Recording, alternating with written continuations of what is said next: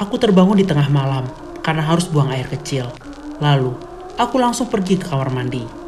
Setelah aku kembali ke kamar, aku terdiam karena aku menemukan diriku masih terbaring di atas kasur.